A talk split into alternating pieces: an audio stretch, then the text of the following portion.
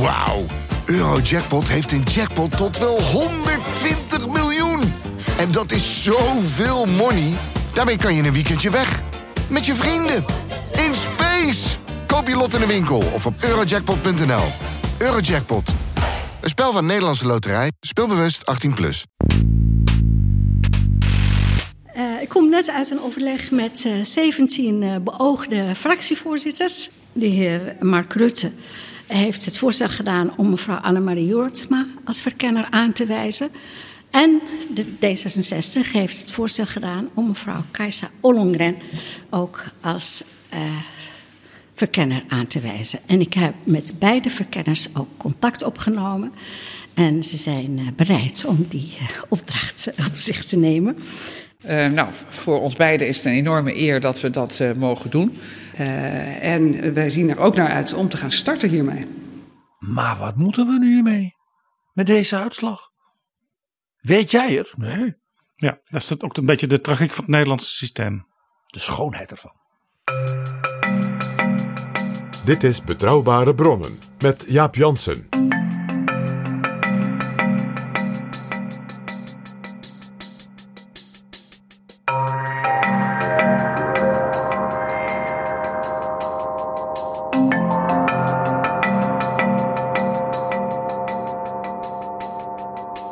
Hallo, welkom in Betrouwbare Bronnen, aflevering 177. En welkom ook PG. Dag Jaap.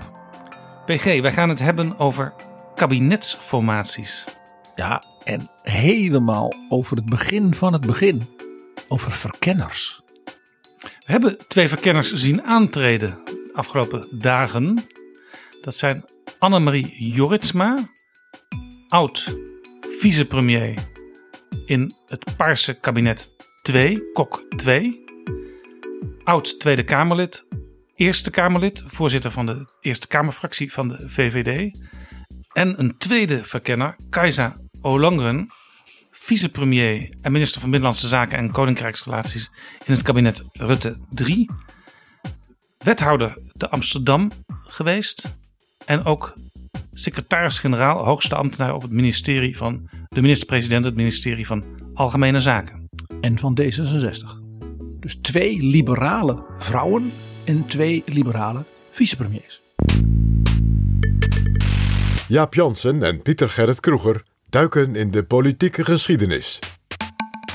Een verkenner is nodig omdat we sinds enige jaren, sinds 2012, in de formatie niet meer langs de koning gaan. Al hebben koninginnen voor de koning ook de nodige verkenners benoemd. Het hele idee van de verkenner is in de loop van de parlementaire geschiedenis gegroeid. Staat nergens in de wet. Maar ja, informateur staat nergens in de wet. Formateur staat nergens in de wet. Nederland maakt zijn kabinetten na verkiezingen op gewoonterecht, op on dit, zoals de Fransen dat mooi zeggen, en niet op basis van enige wettelijke, zeg maar constitutionele basis van de vorming van regeringen. En dat is best uniek. Dit is wat ze noemen levend staatsrecht. Zo is dat. Wat doet een verkenner? Die verkent. Die is dus als het ware iemand die de weg effent, een padvinder. Ja, ja, een padvinder. Nou ja, een zeeverkenner zou Gerard Reven zeggen. De verkenner ook omdat de functie officieel dus niet bestaat, uh, kan in zekere zin die functie zelf invullen. Uh, veel meer dus nog dan de informateur of de formateur, omdat daarvan een zeg maar, vrij stevig gewoonterecht politiek is ontstaan. Ja. Een zekere zeden en normen. De informateur die bijvoorbeeld en de, en de formateur die de Tweede Kamer verantwoording aflegt door verslag te doen van zijn of haar werkzaamheden. De, de verkenner verkent alleen maar. Ja, overigens ook in deze fase is al een soort van gewoonterecht wat uh, de beide dames blijkens hun persconferentie niet helemaal uh, helder in het hoofd hadden. Want er werd gevraagd door een journalist in welke volgorde gaan jullie de fractievoorzitters uitnodigen. Is dat van groot naar klein of is dat een andere volgorde? En toen zei uh, mevrouw Olongren, nou dat moeten we nog met elkaar bespreken. Maar als je ze ziet in de tegenwoordige tijd als vervanger van in die eerste fase eh, van de koning of de koningin. Ja, dan is de eerste fase is echt de volgorde van groot naar klein waarop je de fracties ontvangt. Maar daar zeg je al iets. Nu interpreteer jij dus de rol van de verkenner als de, eh, ik zal maar zeggen, de, eh de erzats Beatrix. Maar Ja. volgens mij is mevrouw Ariep dat. Want mevrouw Ariep ontvangt al die fractievoorzitters, dan wel allemaal tegelijk in een kamer. Eh, Juliana met die hondjes, eh, één voor één op Ja, Soesdijk. ja, bij mevrouw Ariep is dus zeker geen sprake van het geheim van Soesdijk of het geheim van Noordeinde. En ook weer wel. Want was het zo dat die fractievoorzitters namens hun fractie het advies aan de koningin publiek maakten, was dat gesprek van Ariep met die fractievoorzitters niet publiek. En in zekere zin zeg ik dus wat plagerig met deze zogenaamde staatkundige vernieuwing van de koning er niet meer bij, gaan we dus achteruit in transparantie in plaats van vooruit. En waarschijnlijk is het ook zo dat ehm, de leider van de grootste fractie, in, in dit geval Mark Rutte, al wel gesondeerd heeft bij enkele collega beoogd fractievoorzitters. Eh, Stel, ik kom straks met het voorstel om een verkenner, of in dit geval twee verkenners, aan te wijzen. Eh, vinden jullie dat ook een goed idee? Kunnen jullie daarmee leven? En dan stel je in feite eh, de rest van de mensen in de Kamer daar aanwezig voor een fait accompli. Wat ook niet kon in de tijd dat je eerst bij Juliana langs moest en dan een koekje kreeg. Waar haar hondjes stiekem aan hadden gelikt in de tussentijd. Maar meneer Van Mierlo, zo dadelijk komt de heer Koekoek en wat niet weet, wat niet deert. Een onsterfelijk moment in onze parlementaire geschiedenis. De heer Van Acht die ooit tegen mij zei. Het waren wel mormels hoor. Als je niet oppast werd je gebeten. PG, je zegt terecht, het staat niet in de wet. Eh, Het fenomeen informateur en het fenomeen verkenner al helemaal niet. Eh, Waar ligt de oorsprong hiervan? Ja, hoe kwamen in Nederland regeringen tot stand? Nou ja, de regering is nog steeds de koning en de ministers. Ja, Ja, dan hoor je het al. In onze grondwet en onze staatsbestel van voor 1848, dus na Napoleon en zijn broer hè, Lodewijk, koning van Holland, namen de Oranjes de manier van doen van de familie Bonaparte over.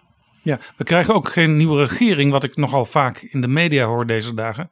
eh, maar een nieuw kabinet. En dat heb ik ooit eh, tot mijn schade en schande extra goed geleerd bij Cenk Willink. Toen ik daar een, eh, een soort ja, essay moest schrijven. En daar blijkbaar drie keer verkeerd het over een nieuwe regering had. En toen kreeg ik geen negen, maar een acht. Hij was weer erg mild. Tjink. nee, Nederland heeft dus eh, in 2013 tijdens het kabinet Rutte 2 een nieuwe regering gekregen. Ja. Met een nieuwe premier, namelijk de heer Rutte. ja, de regering Willem-Alexander. Dus als je heel precies bent, hebben we nu in feite het vierde kabinet Rutte gehad en niet het derde. Maar nu, dit is staatsrechtelijk heel precies. Nou, eh, wat gebeurde er, zeg maar, in die eerste jaren van het nieuwe koninkrijk? Nou, dan waren er dus parlementsverkiezingen. En de koning, dat was in die tijd Willem I, die ging dan zelf de regering samenstellen. Dus koning Willem I was eigenlijk een beetje zijn eigen verkenner en formateur tegelijk. Het premierschap als een soort zelfstandige politieke rol bestond ook niet. Nee, en het was ook een heel lange tijd in Nederland eh, best wel ingewikkeld om te, uit te vogelen hoe de politieke verhoudingen lagen. Want er waren geen duidelijke fracties zoals nu. Er waren geen partijen. Al die afgevaardigden die werden lokaal gekozen. En iemand was weliswaar liberaal, maar nou ja, dat, dat zie je nu ook nog wel. Maar nu hebben we tenminste fracties die het een beetje eh, laten zien. Maar binnen dat liberalisme zitten hele grote verschillen. Net zoals bij, binnen het protestantisme, binnen het katholicisme, eh, binnen het socialisme natuurlijk ook grote verschillen. En die mensen werden allemaal individueel afgevaardigd. Je had in het Nederland van nou ja, 1815 tot zeg maar 1870. En dat is toch een hele lange tijd. Een groot deel van die 19e eeuw. Eigenlijk geen partijen.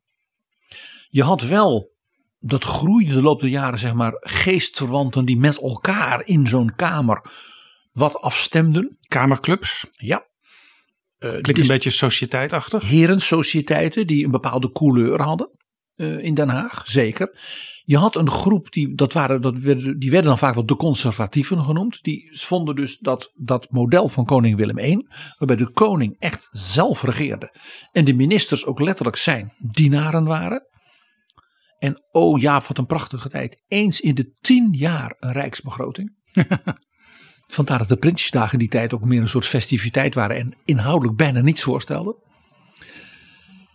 En die conservatieven die waren van troon en altaar, zoals dat heette. Dus ook de, de, de staatskerk en, en dat opzicht. En de liberalen die wilden wat meer ja, eh, onafhankelijkheid voor de burgerij. Het was zeker niet zo dat de liberalen bijvoorbeeld wilden dat er veel meer gewone mensen mochten stemmen.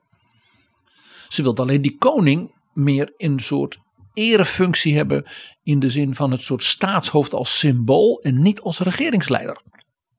Nou, dat leidde ertoe dat natuurlijk onder Thorbecke na de liberale grondwet van 1848 er natuurlijk iets bijzonders ontstond. De koning van dat moment, Willem II, had met die nieuwe grondwet en die nieuwe ministers en dus ook een man als Thorbecke als het ware kunnen oefenen. Maar dat is niet gebeurd. Koning Willem II stierf heel snel en ook heel jong, heel onverwacht in Tilburg eh, in 1849. Zijn zoon, zijn oudste zoon Willem, was op dat moment in Engeland. Had zo verschrikkelijke ruzie met iedereen en alles. Dat hij eh, ook gewoon Nederland uit was. Weigerde ook koning te worden. Ja. Is onder druk van met name zijn moeder, de Russische prinses eh, Anna Pavlovna, de dochter van Tsaar Paul. Teruggekomen naar Nederland. De minister van Buitenlandse Zaken is door de koningin weduwe dus naar Engeland gestuurd om haar zoon op te halen. Toen heeft hij gezegd, maar ik ga geen eten afleggen op die grondwet, want dat is een, een fot. Nou, hij was, ik zeg, dit is netjes wat ik nu zeg. Hij was bekend om zijn buitengewoon grove manier van optreden en taal. De regering, dan in de zin van de minister-president, de minister van Binnenlandse Zaken, want die was in die tijd de belangrijkste. En dus de koning en de weduwe hebben hem gesmeekt het koningschap op zich te nemen. Nou, je begrijpt, met zo iemand en dan een liberale minister-president, de, zeg maar toch een beetje de geestelijk vader van die grondwet. En natuurlijk een persoonlijkheid van ja, echt grote staatsmannelijke allure en een intellect. Ja, een Duitser. Thorbecke was een Duitser. Ja, er is ook een mooi dik boek over geschreven door Remy Aerts. Thorbecke wil het. Als je iets wil begrijpen van hoe dus de hoe dus als het ware de geschiedenis van kabinetsformaties tot de dag van vandaag is ontstaan in die tijd, want daar hebben we het over. Lees dat boek. Uh, het portret ook van koning Willem III in dat boek is uh, onopgespukt. Overigens ook het portret van Thorbecke zelf, want dat was ook nogal een karakter. Het was natuurlijk toch een Duitse hoogleraar. Heel belangrijk. Hij was Luthers, dus hij behoorde niet tot de klassieke Nederlandse protestante kerken. De hervormde kerk. Precies. Dus hij was ook in dat opzicht een buitenstaander. Dus tussen hem en koning Willem III, dat is, ja, dat, dat is een film. Dus in die kabinetsformaties, als, als dan Thorbecke weer had, zeg maar, had gewonnen, dan was het dus zo dat hij zelf als een soort formateur met ja, bevriende politici ging praten van zou jij in mijn kabinet willen of zou jij als in, in, informeel leider van die groep conservatieven of liberalen mij een goede minister van Financiën. Ja, geef mij een lijstje van vijf namen. Uh, hij liet bijvoorbeeld kijken welke generaal beschikbaar was als minister van Oorlog. Uh, hij keek in de handelswereld in Amsterdam, de bankwereld, hè, vanwege het Indisch kapitaal, zoals dat heette. Of er een minister van koloniën was, die bijvoorbeeld wel ruimdenkend was als het ging om de koloniën. Hè, dus niet een slavendrijver, maar wel natuurlijk het economisch belang voor Nederland, hè, van de opbrengsten daarvan. En ja, hij moest ook op een bepaald moment ook nog op enige wijze met die koning met wie hij dus echt niet kon praten. Dat, dat, dat is echt onvoorstelbaar, die verhalen. De koning ging bovendien met ja, bevriende lieden uh, in de politiek, uh, in de adellijke wereld, openlijk bijna zitten intrigeren tegen dus de aankomend minister-president. Dus je had situaties dat hij bijvoorbeeld probeerde de burgemeester, ik noem wat, van Arnhem, minister te maken van Van Waterstaat. En dat de koning dan de commissaris des konings in Gelderland dus verordoneerde namens de koning die burgemeester te waarschuwen dat als hij met die afschuwelijke Torbekken dus gemene zaak maakte, dat zijn broer het kon schunnen dat zijn benoeming tot rechter kwam. In feite begon er daar dus een soort parallele regering te ontstaan. Complete intriges. Eh, laat ik zeggen dat koning Willem III eh, prat ging op zijn Russisch bloed. eh, was niet helemaal zonder reden. Want dit was inderdaad zoals het Hof van de Tsaren. de verschillende facties rond de Tsaren, de Tsarina elkaar dwars zaten. Ja, en het was in dit licht ook niet vreemd dat de minister-president, die titel bestond toen nog niet, tegelijkertijd minister van Binnenlandse Zaken was. Want dan ging het natuurlijk ook over bijvoorbeeld benoemingen van burgemeesters. En dan kon je voorkomen dat die koning eh, daar te veel de hand in had. Er zijn dus vele verhalen, maar ja, dat doen we vast nog wel een keer, koning Willem III. Over hoe de koning en Thorbecke met elkaar omgingen als hij bijvoorbeeld met benoemingen die dan een kroonbenoeming waren en door de koning moesten worden goedgekeurd, wat voor scènes op het paleis er dan waren. Dus de koning die soms openlijk intrigeerde tegen de, tegen de aankomend premier, die dus een meerderheid van de Kamer rond zijn beleid probeerde te vormen. En in feite was dus de aankomend premier ook zelf zowel verkenner als informateur als formateur. En uit die tijd komt dus ook die gewoonte dat de vicepresident van de Raad van State, de voorzitter van de Tweede en de Eerste Kamer, de koning adviseert. Je begrijpt nu waarom. Dat was om die man eh, eh, ja, tot bedaren te brengen. Hem te waarschuwen, majesteit, maak het nou niet te gek. De Haagse politici die dachten van ja, op een of andere manier moeten we koning Willem III eh, eh, ja, tot bedaren brengen. En het beste was dat hij of een nieuwe maîtresse had, een, een operazangeres of iets dergelijks. Was, het was een groot opera-liefhebber, en vooral van zangeressen. Dan wel dat hij nodig moest gaan jagen in de, eh, laat ik zeggen, rond het Loo. Eh, en dan, ja, dan was hij, ten eerste was zijn humeur dan beter. Ook dat was belangrijk bij deze man. En dan had hij afleiding. Ja, we weten natuurlijk, PG, dat in 2017 de kabinetsformatie de langste ooit was. 225 dagen. Nederland was bijna België. En daarvoor, en dat zat nog in mijn eh, jongenshoofd, de formatie van het tweede kabinet Den Uyl, wat uiteindelijk transformeerde naar het eerste kabinet van acht, van acht Wiegel, 208 dagen. Dus dat waren nog eens tijden, Jaap. Maar in de 19e eeuw, en daarom stip ik dat eigenlijk aan, gezien wat jij na- net zei, is er ook al eens een keer zo'n hele lange formatie geweest. Ja, de beeldvorming. Dat kabinetsformaties in die tijden eh, vanzelf gingen. Dat het nu allemaal zo'n puinzooi is. Dat het die partijen niet deugen. Nou, je kent de bekende ook vaak wat antiparlementaire geluiden op dat punt. Eh, ja, dat is dus gewoon niet waar.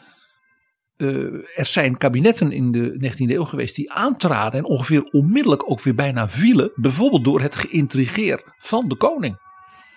En ander gedoe. Thorbecke moest zijn gelukkig zeer grote vernuft, politiek en ook zijn niet gering machiavellisme daarbij inzetten om dus zijn kabinetten tot stand te brengen en ook in stand te houden. Want het was ook zo dat omdat er dus geen partijen en geen zeg maar fracties waren of fractiedwang in die tijd, dat dus ook de positie van een minister, ook individuele ministers in bijvoorbeeld het parlement, eh, een heel problematische kon worden als bijvoorbeeld de Tweede Kamer of de Eerste Kamer na meerdere confrontaties in feite liet blijken deze minister überhaupt niet meer te pruimen. Ja. Moest dan het hele kabinet weg? Of dus Thorbecke heeft regelmatig als premier dus ministers die hij zelf had aangezocht en bereid gevonden, soms na heel veel gedoe, ja, eh, moeten laten gaan omdat ze bijvoorbeeld in de Tweede Kamer eh, of in de Eerste Kamer eh, ja, heel veel verzet ontmoeten.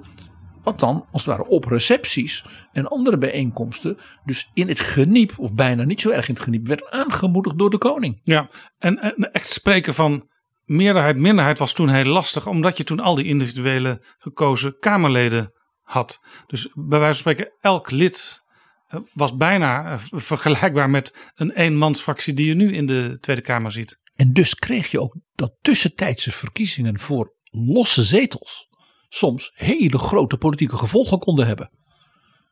Dat liberale Kamerlid in Friesland. Dat volgens mij, dat overleed geloof ik.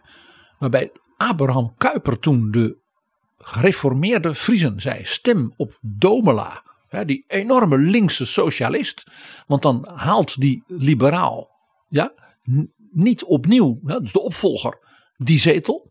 Dus een tactisch akkoord van de gereformeerden met zeg maar, de communisten in Friesland. Om de liberalen dwars te zitten. Zodat de liberalen hun meerderheid in de Kamer geschaad zagen. Dit is Betrouwbare Bronnen. Waarom is het goed, PG, om nu bij de formatie van 2021 te starten met deze twee verkenners?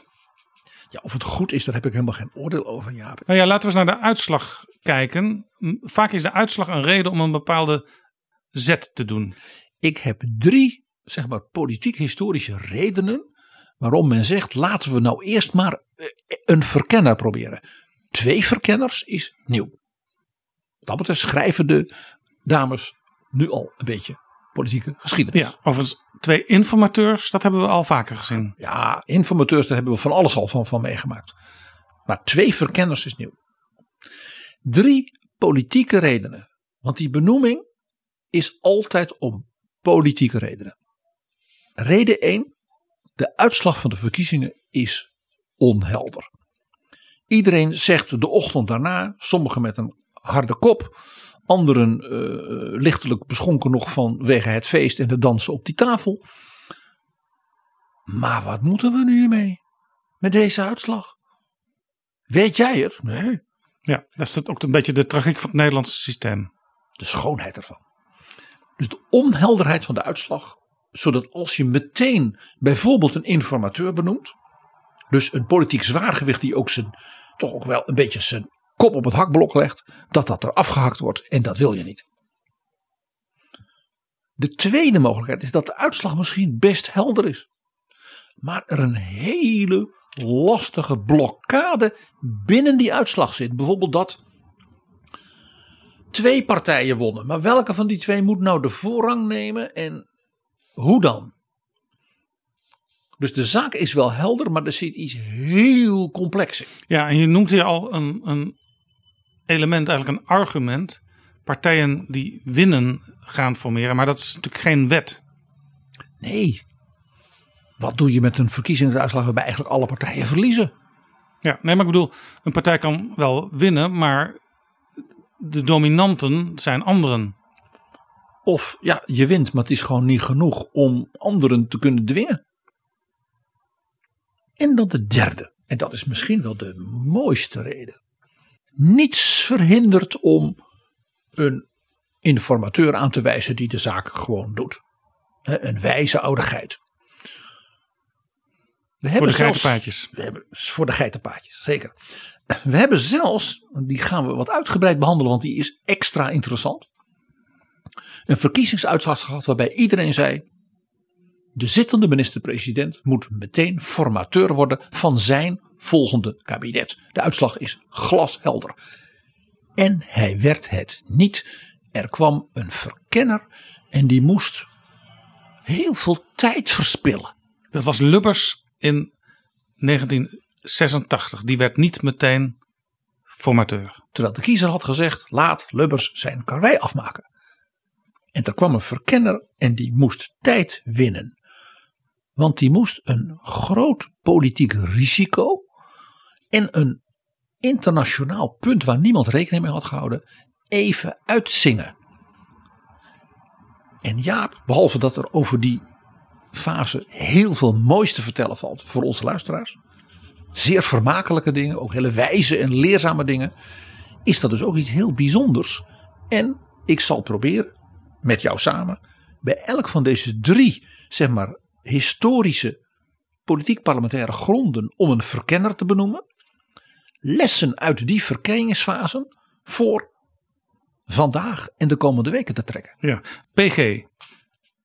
Laten we ervan uitgaan, er is een onheldere uitslag. Eigenlijk iets wat je nu ook wel weer in 2021 zou kunnen zeggen.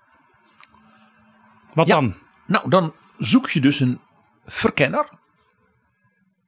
En die moet eens maar eens met deze en gene gaan praten en bijna, misschien bijna eh, psychologisch werk verrichten.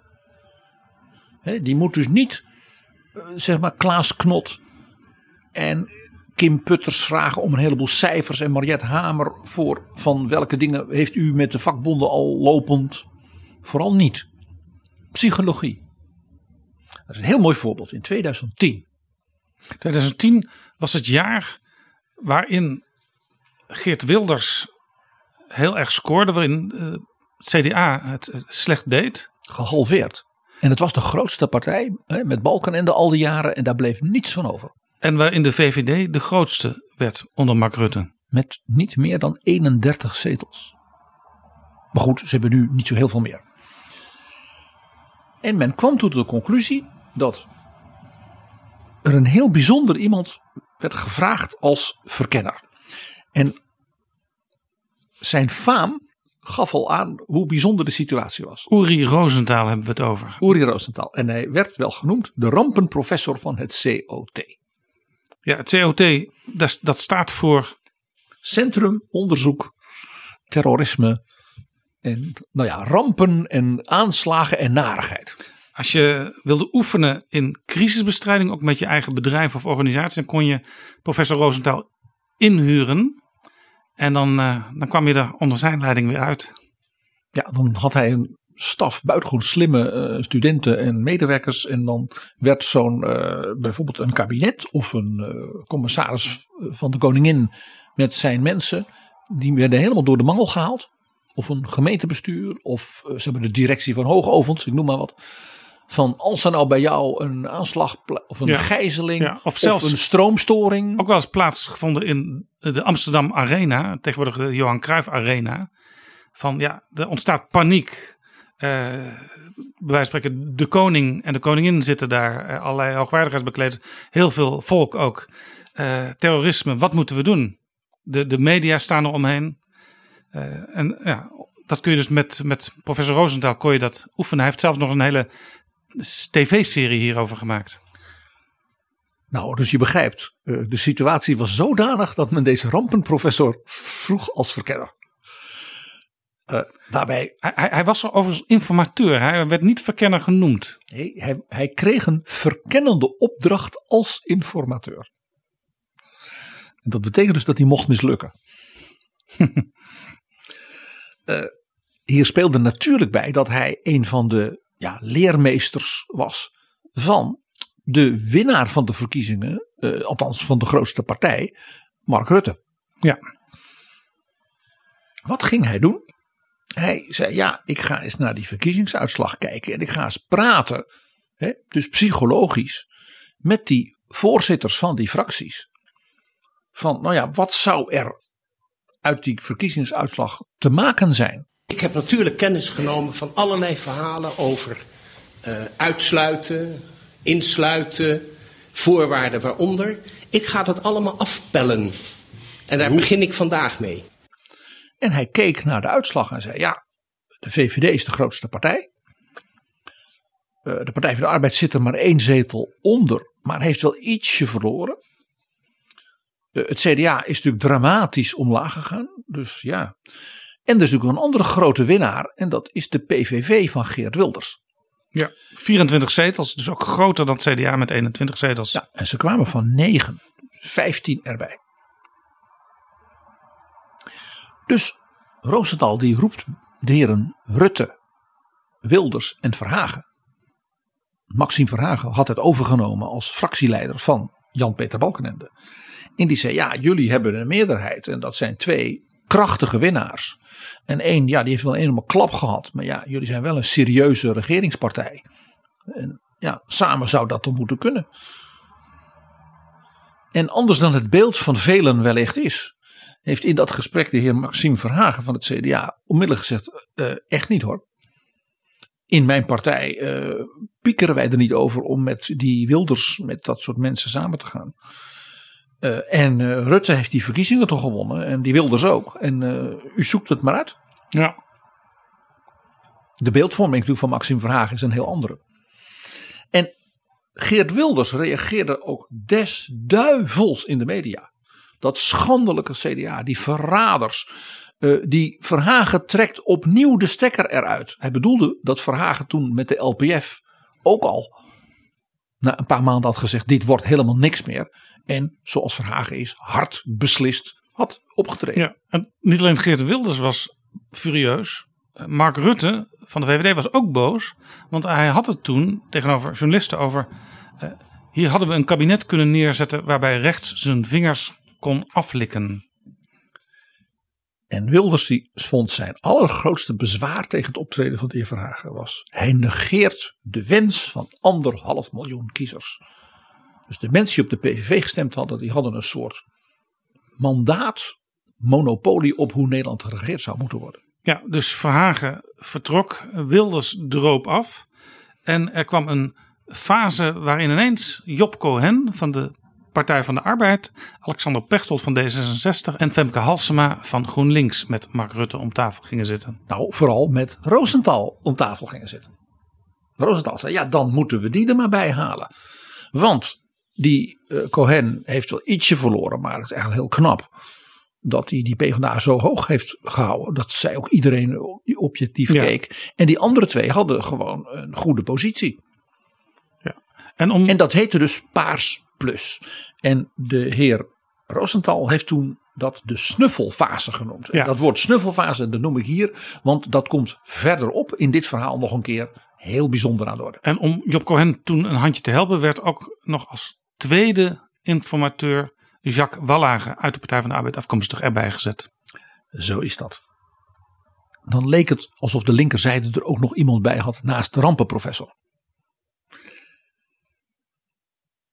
Rosenthal die nam de rol van de verkenner heel, mag ik zeggen, logistiek en niet politiek. Hij zei: Ik vink af, letterlijk, de opties. En dan komt er uiteindelijk wel iets uit. En daarmee ga ik terug naar koningin Beatrix. En dan geef ik haar wel een advies van: Nou, de volgende stap zou dan dat kunnen zijn. Ja, alles in dit verhaal valt ook onder de noemer wat Cenk Willink wel eens zegt: formeren is faseren. Zo is dat. En Cenk Willink is natuurlijk een extreem ervaren verkenner, informateur, bijna formateur. Hij was, was die regeringscommissaris voor de Rijksdienst en, Regeringscommissaris voor de reorganisatie van de Rijksdienst. en natuurlijk onderkoning. Later vicevoorzitter van de Raad van State. En daaraan voorafgaand voorzitter van de Eerste Kamer der Staten-Generaal. Ik denk dat er weinig Nederlanders zijn met een cv dat ook maar te vergelijken is met dat van Cenk Willink.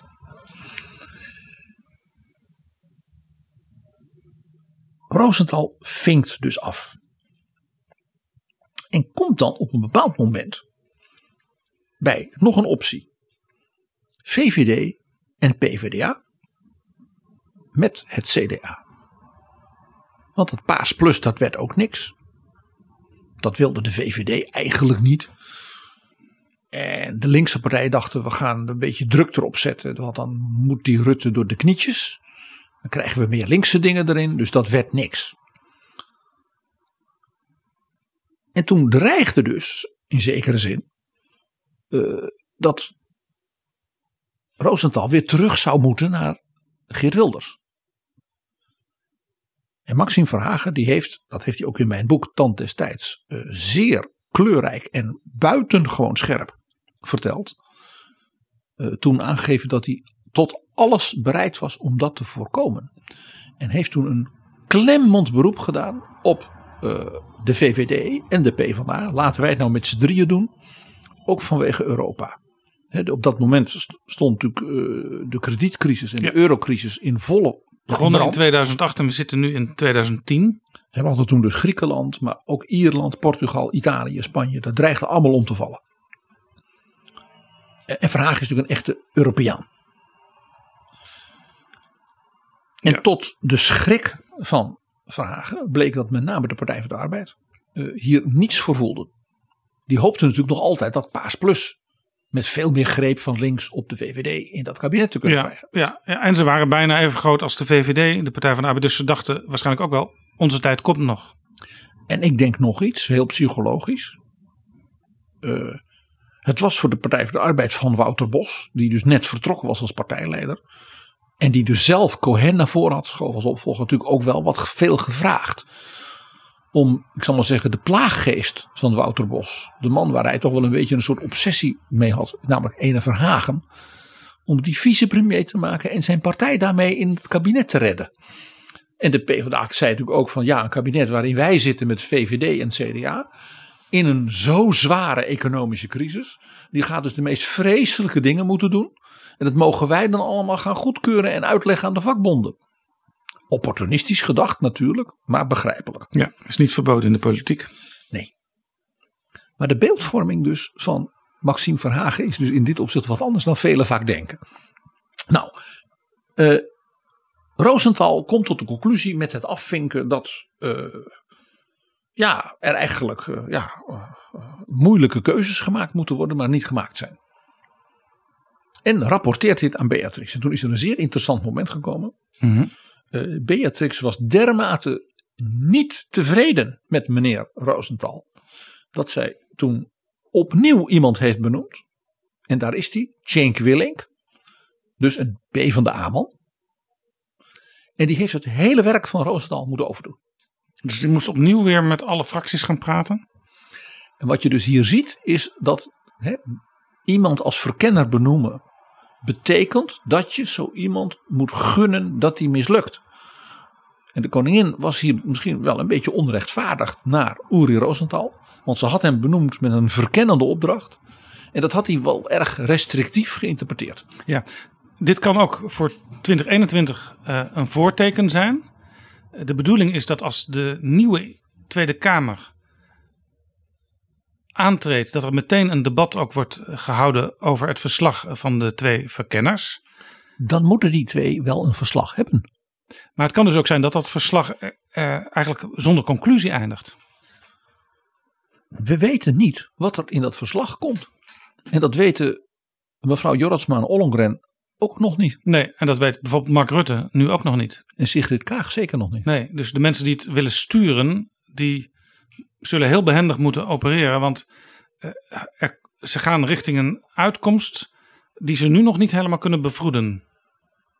En jij en ik weten ook niet hoe die nieuwe Kamer over twee weken eruit ziet. Eh, wij leven in een tijd dat het niet ondenkbaar is dat de Kamer dan meer dan de huidige aantal fracties zoals ze gekozen zijn heeft. Dat er alweer een fractie uit elkaar gevallen is. En wie weet wat er allemaal alweer in die tussentijd is gebeurd. Dit is Betrouwbare Bronnen, een podcast met betrouwbare bronnen. Er is nog een voorbeeld van zo'n verkenner na een uitslag die heel onhelder was. Ja, dan gaan we iets verder terug in de tijd. We hadden het net over 2010. We gaan nu naar 2003. In 2003, Dat was het jaar nadat een kabinet was geweest met daarin de LPF, zeg maar de lijst Pim Fortuyn, die ineens uit het niets met 26 zetels in de Kamer kwam. En die moest mee gaan regeren. En dat eh, ging niet van een leien dakje. Binnen de kortste keren was dat kabinet alweer verdwenen. Toen kwamen er nieuwe verkiezingen en daar zitten we nu. precies. En nog veel belangrijker dan die LPF was het feit dat het CDA na zeer zware nederlagen in de paarse periode in één klap weer met afstand de grootste partij was. Met Jan-Peter Balkenende als de nieuwe premier. En dus dat eerste kabinet Balkenende met die LPF door de chaos in de populistenhoek uit elkaar viel. En hij nu een tweede kabinet kon maken, want hij won die verkiezingen opnieuw. Ja, hij ging van 43 naar 44 zetels. Ja. En de Partij voor de Arbeid onder leiding van Wouter Bos herstelde zich heel knap van de zware nederlaag het jaar daarvoor. Ja, van 23 naar 42 zetels. 42 zetels. Dan denk je nou dat is een hele eh, heldere uitslag. Hè? CDA en PvdA. Dus je maakt bij wijze van spreken eh, Balkenende maar meteen formateur. Nee. Men besloot Piet Hein Donner als verkennend informateur aan te wijzen. Ja, dus eh, eigenlijk een soortgelijke opdracht als Rosenthal later zou Inderdaad. hebben. En waarom was dat? Nou, dat was zonder enige twijfel een trouvaille van, daar is hij weer, Maxime Verhagen. Want terwijl Donner dus ging verkennen En dus praten met Wouter Bos, met Balkenende. Om te kijken van wat zouden de onderwerpen zijn die eventueel ja, door een echte informateur moeten worden beslecht in een soort ontwerp regeerakkoord. En dan hè, ging Verhagen en helemaal niet in het geniep. Dus even koffie drinken met Gerrit Salm van de VVD en met Tom de Graaf van D66. En daarmee was dus het spel op de wagen. Verhagen liet hiermee dus voelen aan Wouter Bos. Als jij niet gewillig bent, dan kan ik voor Jan-Peter Balkenende ook nog langs een andere route. En daarmee natuurlijk inspelend op het grote trauma in de Partij van de Arbeid 1977. Ja, dit is dus als je in een soort ja, cruciale positie zit in zo'n formatie. Dan kun je dus een soort uh, dreiging organiseren. In de hoop dat de partij waar je op dat moment mee zit te praten toeschietelijker wordt. Alle lessen van Machiavelli. Die zaten natuurlijk in het DNA van Maxime Verhagen helemaal verborgen. Maar ze deden nog iets. Verhagen en Donner deden iets heel verstandigs psychologisch. Die zeiden tegen zowel Wouter Bos als Jan-Peter Balkenende: Weet u wat jullie nou eens gaan doen? Dan willen wij helemaal niet bijzitten. Dus er ontstonden gesprekken van die twee winnende partijleiders. Jong en ambitieus en alle twee zeer serieuze gereformeerde jongens van de VU. Onder vier ogen. Dus hier zie je dat de verkenner ook kan zeggen: Ik verken slechts. Maar als u met elkaar, ik raad u zelfs aan om met elkaar eens gewoon te gaan zitten. En misschien wel een beetje aan elkaar te snuffelen. Ontdek eens misschien hoe de ander in elkaar zit. Uh, waar de belangstelling zit. Uh, misschien zelfs wel dat je onder vier ogen zegt van ja mijn echte ambitie is uh, dit en dit en dit. En ze gingen uiteindelijk ook echt formeren die twee partijen. Zeker. Zeker. Maar dat, verhaal, dat kabinet dat kwam er niet. Dat verhaal doen we een andere keer. Prima. Dit waren twee voorbeelden. 2010 en 2003. Wat kunnen we daarvan leren voor 2021, PG? Nou, het eerste is uh, twee verkenners. Dat betekent dus zeer onhelder de uitslag. Het is blijkbaar nodig om uh, de tweede partij in het spel al meteen een soort hoofdrol te geven. En ik zeg er ondeugend nog iets bij, Jaap. De in Europa zo warm samenwerkende liberalen van Renew Europe, zeg maar de partij van Macron. In Nederland kunnen ze al niet één verkenner aanwijzen. Maar hebben de VVD en de D66 alle twee eentje nodig? Begint al een beetje niet helemaal. Is dit per se uh, fijn voor D66 dat ze meteen op deze manier in het spel worden betrokken? Dat lijkt zo. Maar ik ben er niet van overtuigd, dat hoor je al aan mij. Kijk, ik zie voor de verkenners drie opties om te verkennen. Beetje à la Rosenthal, dat afvinken. Er zijn drie hele duidelijke coalities mogelijk voor dus die twee liberale partijen. Die alle twee, de ene twee en de ander vier zetels hebben gewonnen. Ze hebben samen dus net zoveel zetels gewonnen als Thierry Baudet. Eén. Natuurlijk heel democratisch, zeker vanuit D66 gezien, de partij voor referenda, het volk moet het zeggen. De winnaars gaan samen regeren.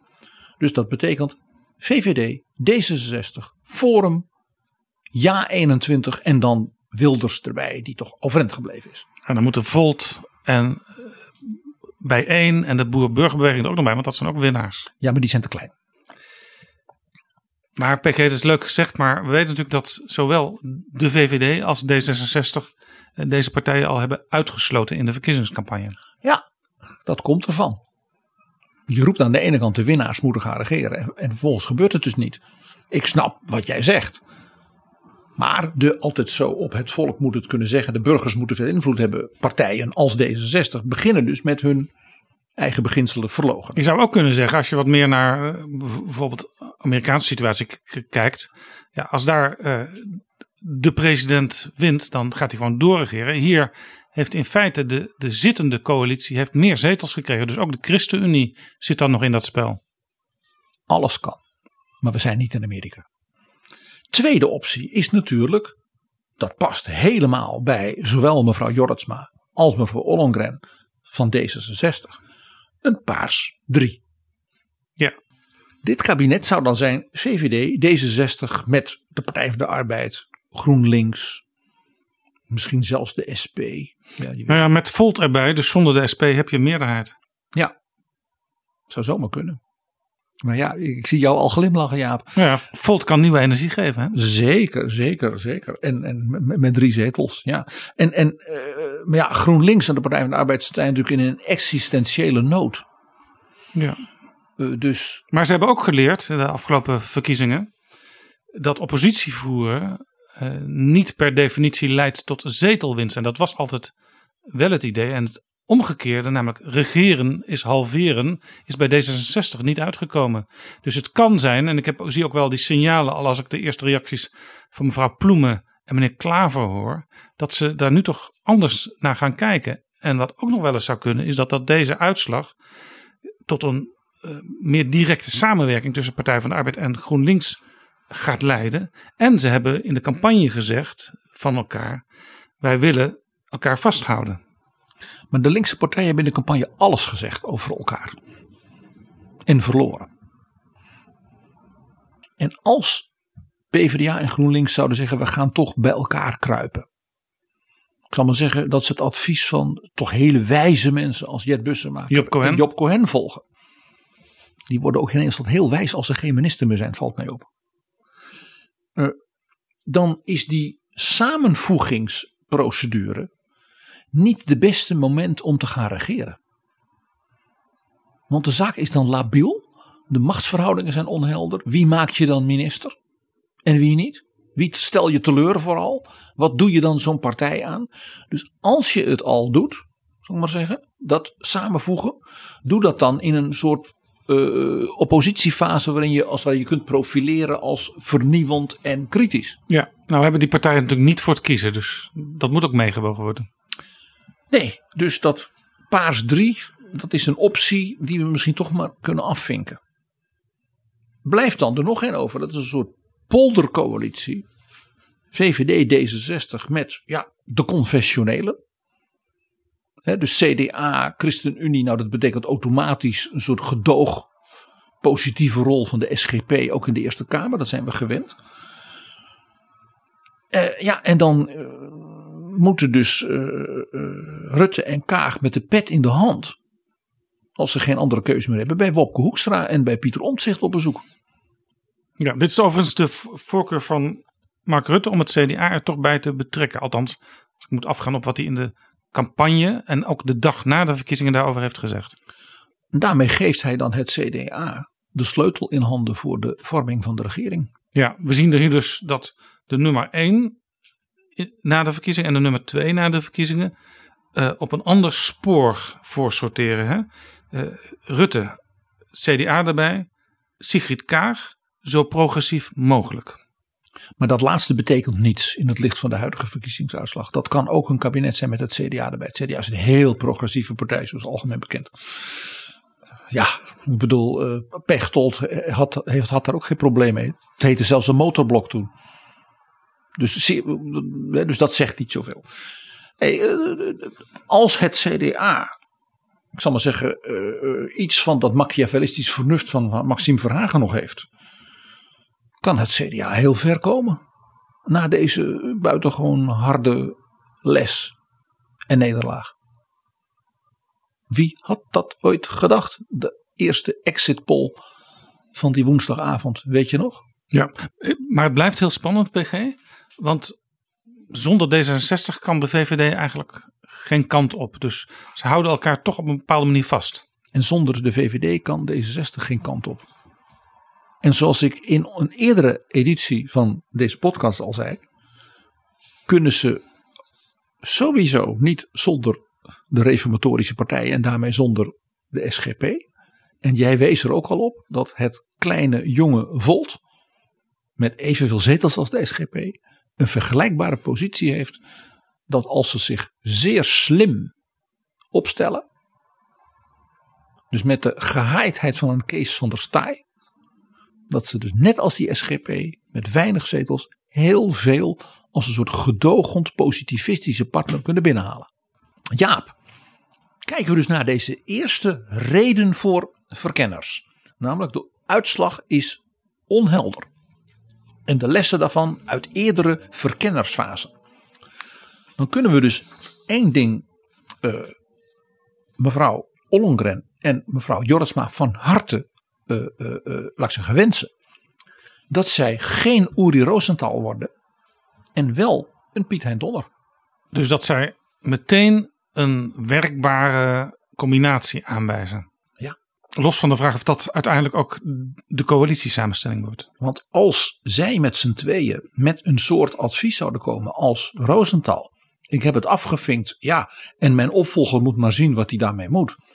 Dan kan mevrouw Ariep in de rol van Beatrix, want zo is dat, die is de opdrachtgever, niet anders doen dan net als Beatrix, wat verontwaardigd en boos, het werk over laten doen. En dan Job Cohen oproepen om uh, de nieuwe verkenner te worden. Ik zou dan gewoon uh, Herman Schenk Willink weer tevoorschijn halen. Ja, hij zit klaar, hè? want hij was uh, afgelopen zondag al te gast in Buitenhof en alles zit nog scherp in het hoofd.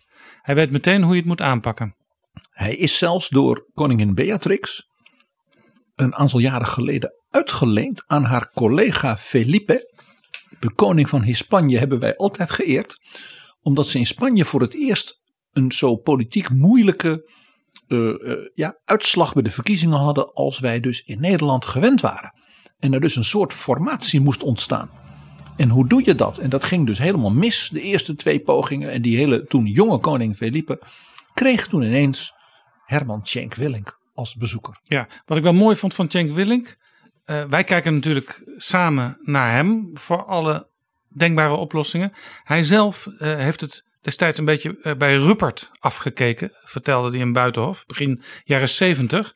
Marinus Ruppert van de Anti-Revolutionaire Partij. Marinus Ruppert die vond het heel belangrijk dat iedereen die aan tafel zit in zijn waarde wordt gelaten. Uh, dat iedereen die aan een nieuwe coalitie werkt iets gegund wordt. Dat je elkaar dan dus ook iets gunt. En zei Ruppert, je moet voorkomen dat iemand ja moet zeggen, want dan zegt hij zeker nee.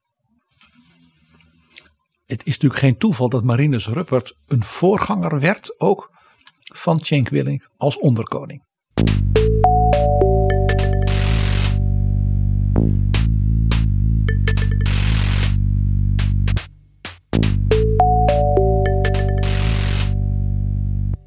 PG, we hadden het net over onhelderheid in de uitslag. Waar leidt dat toe? Jij noemde ook een element in de introductie van deze aflevering dat er in de uitslag een blokkade ligt. Ja, de uitslag, dat is natuurlijk het mooie van dat politieke stelsel van Nederland met zijn vele partijen en stromingen waarvan er nooit één echt de baas kan zijn. En de schoonheid van toch de echo's van de verzuiling en van het Nederlands particularisme al vanaf de 16e eeuw. Dan is er een uitslag en die is eigenlijk best helder, maar dan zit er toch weer een factor in die blokkeert dat die helderheid er komt. Een prachtig voorbeeld is geweest 1982. Ja, 1982 was een, een, een jaar wat uiteindelijk leidde naar het eerste kabinet Lubbers. Maar het merkwaardige was dat het CDA van Lubbers helemaal niet de grootste partij was. Dat is tegenwoordig wordt dat als een soort wet in de media neergezet. De grootste partij levert de minister-president. Uh, maar Joop den Uyl, die toen de Partij van de Arbeid leidde, die, die kwam uiteindelijk in de oppositie terecht. Het was nog vermakelijker. In 1977 was Joop den Uyl na zijn kabinet duidelijk de winnaar. He, kies de minister-president.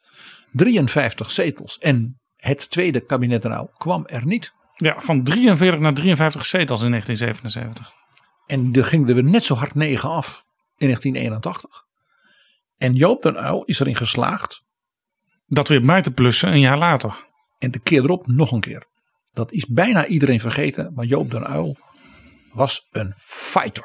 Ja, hij was dus electoraal gezien heel erg succesvol. De meest succesvolle linkse leider van Nederland. In, in electoraal opzicht. Want je kunt er natuurlijk nog allerlei andere uh, manieren van kijken aan toevoegen. Maar... Ik zeg als, als leider Drees nog net één stapje hoger.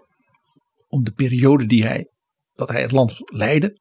naoorlogse periode, dekolonisatie, wederopbouw. Maar als eh, wat ik zeg, vechter, als strijder, heeft Joop den Uyl bijna geen gelijke. Ja, dus met de blik van nu zou je eigenlijk eh, toen gezegd hebben: oké, helder, Partij van de Arbeid eh, heeft het voortouw. Die, kan, die kunnen een, eh, een kabinet gaan vormen. Je zou bijna zeggen, het derde kabinet Uyl komt er toch. De uitslag was dus als volgt. PvdA 47 zetels. CDA 45 zetels. Dat was van 48 net onder die 47 gedoken 45. En de VVD met de jonge en dynamische Ed Nijpels. Je, gewoon jezelf kunnen zijn VVD.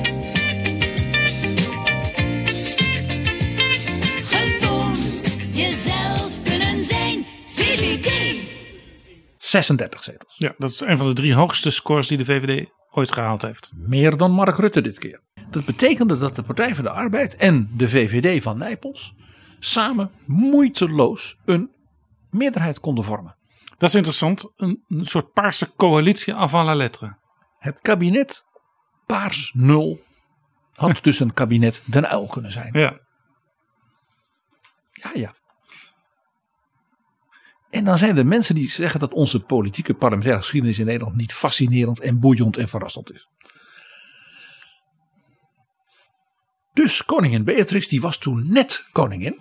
Die had één kabinetsformatie gedaan. En dat was het jaar ongeveer van haar aantreden, namelijk 1981. En je krijgt in 1982 cadeau een tweede extreem complexe kabinetsformatie. Want die van 1981 was al episch.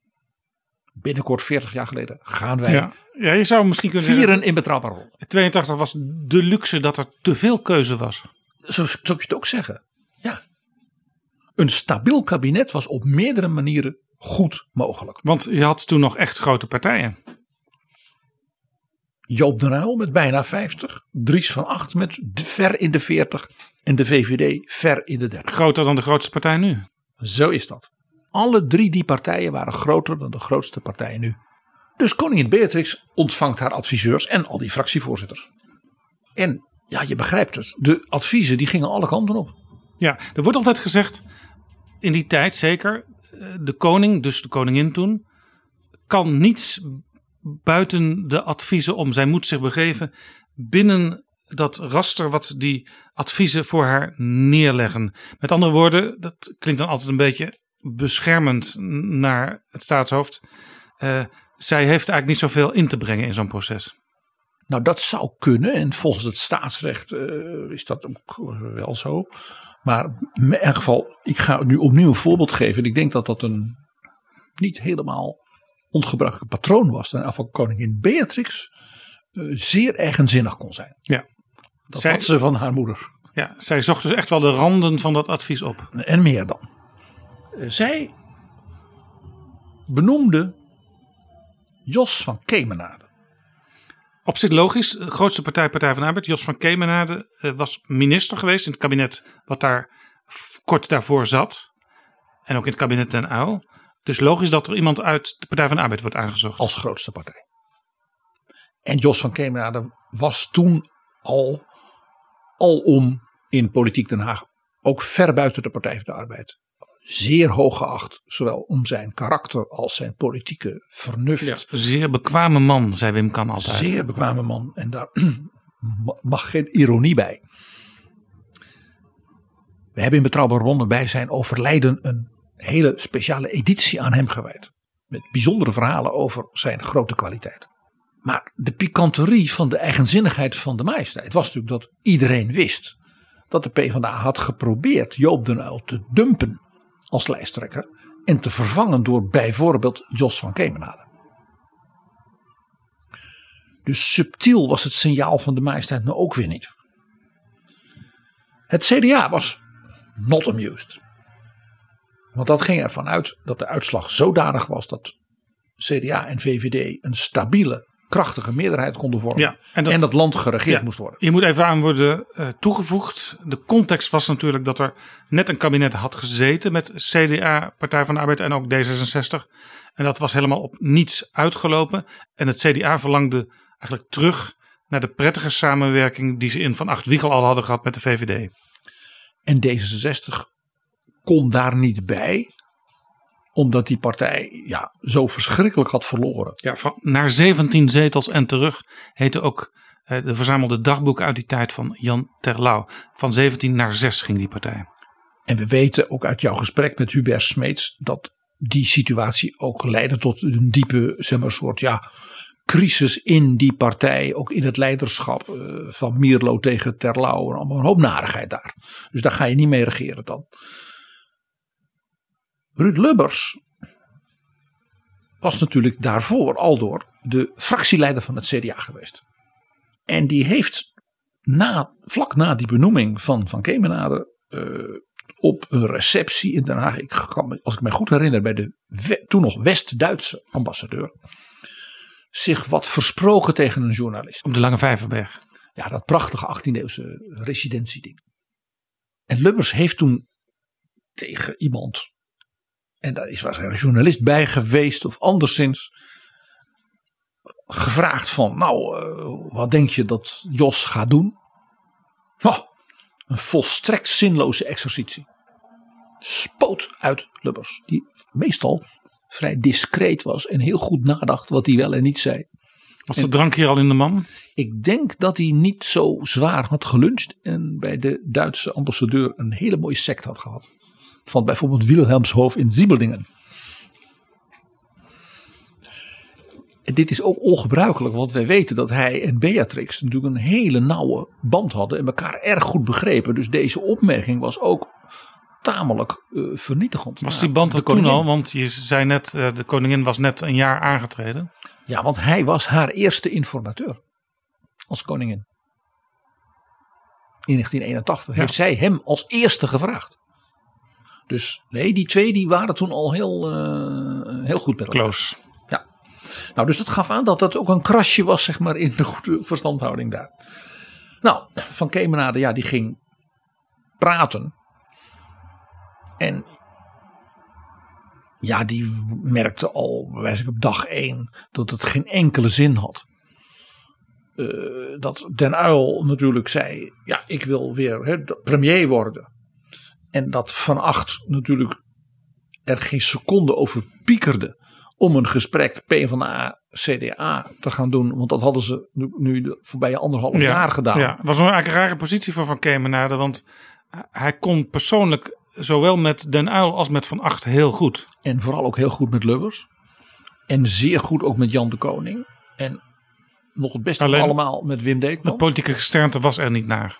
En hij vond eigenlijk ook dat Joop den Uyl met eer beladen op tijd had moeten vertrekken. Dus dat maakte het allemaal heel, heel, eh, ja, gruizig. De blokkade, de uitslag werd dus weggenomen door Van Kemenade. Doordat die mislukte. Het was volkomen helder dat er dus geen enkele mogelijkheid Ja. was voor Dus- een kabinet waar de PvdA in zat. Goed voorbeeld van afstrepen dit. Ja. Wegstrepen. Hoe pijnlijk ook, maar de rol van deze verkenner, neem de blokkade in de uitslag weg, is hem gelukt. Ja, mag ik even PG naar 1994? Toen was er ook een hele interessante uitslag. We weten natuurlijk allemaal dat was de opmaat, die formatie, naar eh, Paars 1. Dat was, eh, Maar dat wist niemand van tevoren. Ja, nou, Hans van Mierlo wist dat wel een die beetje. droomde ervan. Eh, maar hij zat met onwillige partners aan tafel. Ten eerste moet ik even zeggen, het CDA, Lubbers was vertrokken, Brinkman was gekomen, had, had fors verloren.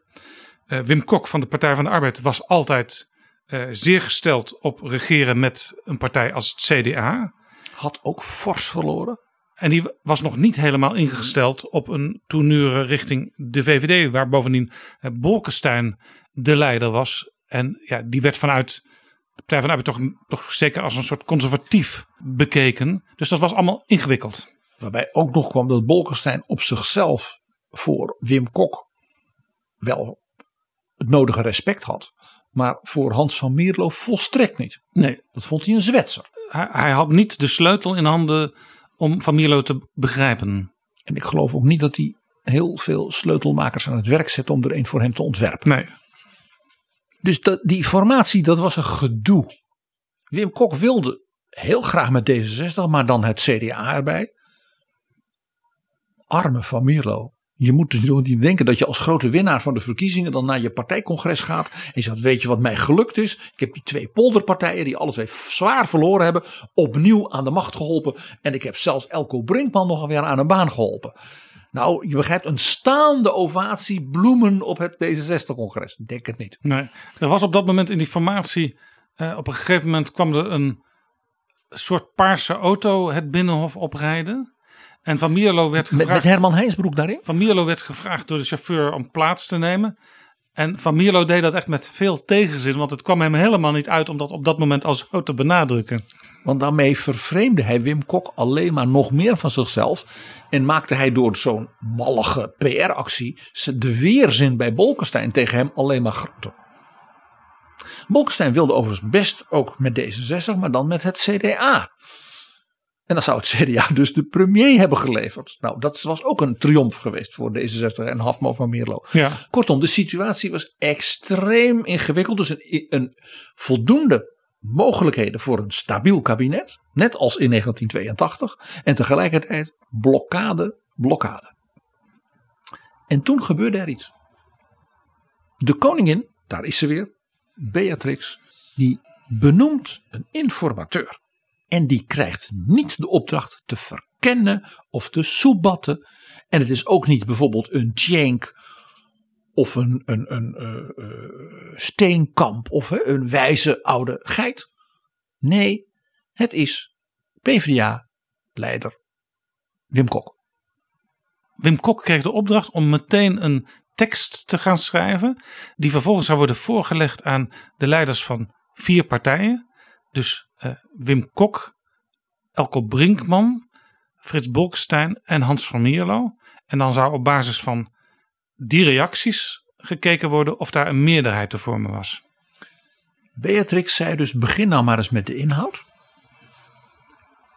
Als je naar de verkiezingsprogramma's kijkt en ik hoor mijn adviseurs, en dat laatste was hier cruciaal, dan staan die partijen eigenlijk heel dicht bij elkaar. Er zijn geen onoverkomelijke veto's tussen die partijen op de inhoud. Geen kruisraketten, geen abortuswetgeving, eh, voltooid leven zoals nu. Dus als nou eens op een nuchtere manier, bijna polderend, dus Wim Kok eigenlijk meer de oud vakbondsman uit de polder, die met Van Veen een akkoord met de werkgevers bedacht, dan Wim Kok de PvdA-leider werd hier aan het werk gezet. Heel interessant. Even tussendoor, uiteindelijk kwam natuurlijk paars, want uh, het CDA vertrok uit dat formatieproces. Nu, in 2021, Cenk Willink die zei afgelopen zondag in Buitenhof het volgende. Hij had het weer over formeren is faseren. Hij zegt, je moet nu niet eerst de machtsvraag wie met wie op tafel leggen. Ik denk dat uh, we misschien wel eens wat meer gebruik zouden kunnen maken van de fasering die er in kabinetsformatie altijd zit. En dat we niet beginnen met de machtsvraag wie met wie, maar met de vraag wat zijn eigenlijk de grote problemen die we moeten oplossen en zijn we het daarover eens. En hij zei, ook heel belangrijk, je moet het eens zijn van welke feiten je uitgaat. En eigenlijk is dit ook een beetje wat er toen ook gebeurde, zou je misschien kunnen zeggen. Ja, het advies dat Beatrix toen kreeg om dit zo te doen, dat weten wij nu, kwam van Tweede Kamervoorzitter Wim Deetman, CDA. Later zeer gewaardeerd collega van Cenk Willink in de Raad van State. En ik, ik hoor hier het denken, dat zul je mij vergeven Jaap, van een Wim Deetman. Ga nou maar eerst eens naar de feiten kijken. Wat zijn de noden van het land? Hoe lossen we die op? Wat staat er in die programma's? Ja, zoals Wim Deetman zelf altijd zei, je doet wat je hand te doen vindt. Ja, interessant was dat Cenk Willink er eigenlijk in dat gesprek met Pieter Jan Hagens niet helemaal uitkwam hoe de vorm dan zou moeten worden. Hè? Want Pieter Jan Hagens die dacht, moet dat dan in de Tweede Kamer met debatten en zo. Maar het zou dus best erop uit kunnen komen dat ook hier Mark Rutte weer wordt aangewezen eh, om die feiten op tafel te leggen. Nou ja, mijn gedachte uit deze twee voorbeelden uh, van verkenners die een blokkade moeten wegnemen, zou zijn dat men Mark Rutte meteen tot formateur benoemt. Hij heeft gezegd: Ik wil een plan. Dat heeft hij nooit verteld aan de kiezer wat dat is. Ik vind dat van allerlei politiek-zedelijke overwegingen eh, verwerpelijk, maar goed. Laat hij dat plan dan maar eens opschrijven. En wat hij ook zal moeten doen, en daarom is het goed dat hij het doet en ook meteen formateur is, dat hij zowel in de Tweede als in de Eerste Kamer daarvoor bijna een soort nationaal soort steun voor verwerft in deze grote crisisperiode. Dus het zou deze richting uit kunnen gaan. Even één klein kanttekeningetje daarbij. Ik heb eh, mevrouw Kaag van D66 al horen zeggen op de dag na de verkiezingen. eh, dat plan om uit de coronacrisis te komen, dat hoeft helemaal nu niet in de kabinetsformatie te gebeuren. Dat kan het oude kabinet alvast schrijven. Dus daar zit misschien een tegenstelling, maar er zit ook misschien een valkuil voor D66 zelf. Want als je dat door het oude kabinet laat schrijven, dan zal een van de architecten daarvan ook Wopke Hoekstra zijn, die je er dan meteen ook bij krijgt, wellicht in de kabinetsformatie. Ja, dat weet ik allemaal niet, eh, Jaap. Eh, Ik zit gelukkig niet in dat oude kabinet en ik ben ook niet van dat nieuwe kabinet. Ga je ook niet inzitten? Eh, absoluut niet. Nee, wat er natuurlijk uit de les uit deze verkenners is: één, voorkom wat Ruud Lubbers zou zeggen, zinloze exercities. Hè, praatsessies die, hè, zoals de Armen van Kemenade moest doen. En dwing op inhoud partijen te kiezen voor wie gaat met wie en waarom. En misschien als dat plan van Rutte een echt krachtig herstelverhaal is, gaan we dan in Nederland inderdaad, wat ik al eerder zei, op Italië lijken. Want zo werd zowel Mario Monti in de eurocrisis toen premier, als nu recent Mario Draghi. En dan komen we dus weer in Italië en daarmee is PG de cirkel rond. Je had ook nog, Roma locuta causa finita. je had ook nog een, een, een derde element willen bespreken. Tijd winnen eh, om gedoe te vermijden. Dat is echt het allerleukste soort eh, verkenner hoor. Ja. Ik ben daar heel benieuwd naar, maar dat gaan we in een, in een van de volgende afleveringen doen van deze prachtige podcast. Ook uitgaande van het idee dat de kabinetsformatie niet in een paar weken gedaan zal zijn. Maar Jaap, jij preludeert nu op een soort Belgisch aandoende kabinetsformatie waarbij mijn historische verhalen zelfs in tweeën geknipt moeten worden. PG, we hebben onze luisteraars nu al voorzien van zoveel interessante informatie. Ik denk dat zelfs de twee verkenners dit allemaal gehoord hebbende hier eh, enkele dagen voor nodig hebben om op te kouwen. Voordat ze weer eh, gezwind als verken- verkenners door kunnen marcheren. Maar ik heb aan het eind van dat derde, dat derde punt zelfs nog een hele vierlijn advies voor Mark Rutte hoe hij het CDA kan kraken. Als je dat allemaal wil horen in een van de volgende afleveringen, word dan nu vriend van de show. Dan maken wij dat mogelijk. En ik heb ook nog een opera fragment, Jaap, dat ik ook nog wil. Oh ja, hoe, wat was dat dan? Eh, La Forza del Destino, de ouverture van Verdi, de kracht van het noodlot. Oh, dat mag hoor, PG. Zullen we dat dan maar even doen?